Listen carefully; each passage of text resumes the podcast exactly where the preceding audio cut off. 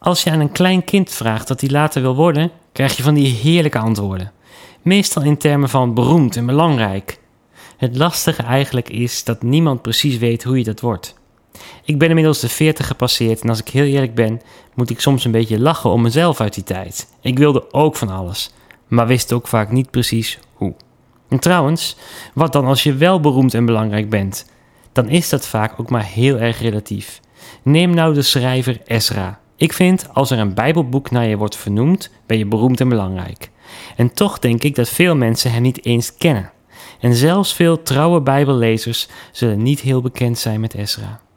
We lezen ook relatief weinig over hem. Zijn verhaal is ruwweg over vier hoofdstukken verspreid in de boeken Ezra en Nehemia. Maar zijn leven is er wel eentje om veel van te leren over hoe je iemand wordt met veel invloed, in de goede zin van het woord. Allereerst is het goed om te weten dat Ezra een tijdgenoot was van Nehemia en dus hoorde bij de tijd dat Israël te maken had met ballingschap. Het speelde zich allemaal af zo rond de 5e eeuw voor Christus. Ezra was dus een schrijver. Hij had aanvankelijk helemaal geen formele bevoegdheden en was zeker niet iemand die zijn invloed had geërfd. Hij was kort gezegd de goede man op de goede plek op het goede moment. Maar dat wil nog niet zeggen dat het toeval was. Van Ezra zegt de geschiedschrijving in Ezra 7 dit. Ezra was een schrijver, goed onderlegd in de wet van Mozes, de wet die de Heer, de God van Israël, heeft gegeven. En hij werd door de Heer, zijn God, beschermd, waardoor de koning hem alles toestond wat hij verlangde. Die koning trouwens was Artaxerxes, en dat is wonderlijk genoeg. Dat was een koning van de onderdrukkers. En klaarblijkelijk was God bezig met een masterplan om Israël weer terug te krijgen naar Jeruzalem. Om de muren en de tempel van de stad weer op te bouwen. Als God bezig is met grootse plannen, dan gebruikt hij daar ook mensen voor. Mensen zoals Ezra. Ezra had zich in zijn leven niet bezig gehouden met de vraag hoe hij beroemd of belangrijk kon worden, maar met het woord van God.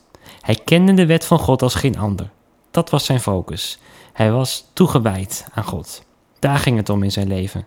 En geen wonder dat God hem dan gebruikt om zijn wonderlijke werk door mensenhanden te laten uitvoeren. Het vervolg van het verhaal is zeker de moeite waard om te lezen in Ezra en Nehemia. Kort gezegd kreeg Ezra koninklijke rijkdommen mee om naar Jeruzalem te gaan en aan de herbouw te beginnen. Wat moet dat bijzonder zijn geweest?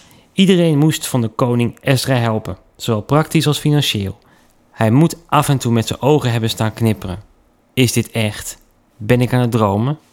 Wij leven in een tijd waarin wij ook alle rijkdommen aan onze kant hebben. Nee, misschien niet een koning met alle zilverstukken, maar voldoende vermogen om een tempel mee te vullen. Tegelijkertijd biedt onze wereld ook genoeg verleidingen om ons af te leiden van God. De les van Ezra: leef bij de dag met het goede kompas en kijk hoe je vandaag de juiste man op de juiste plek kunt zijn.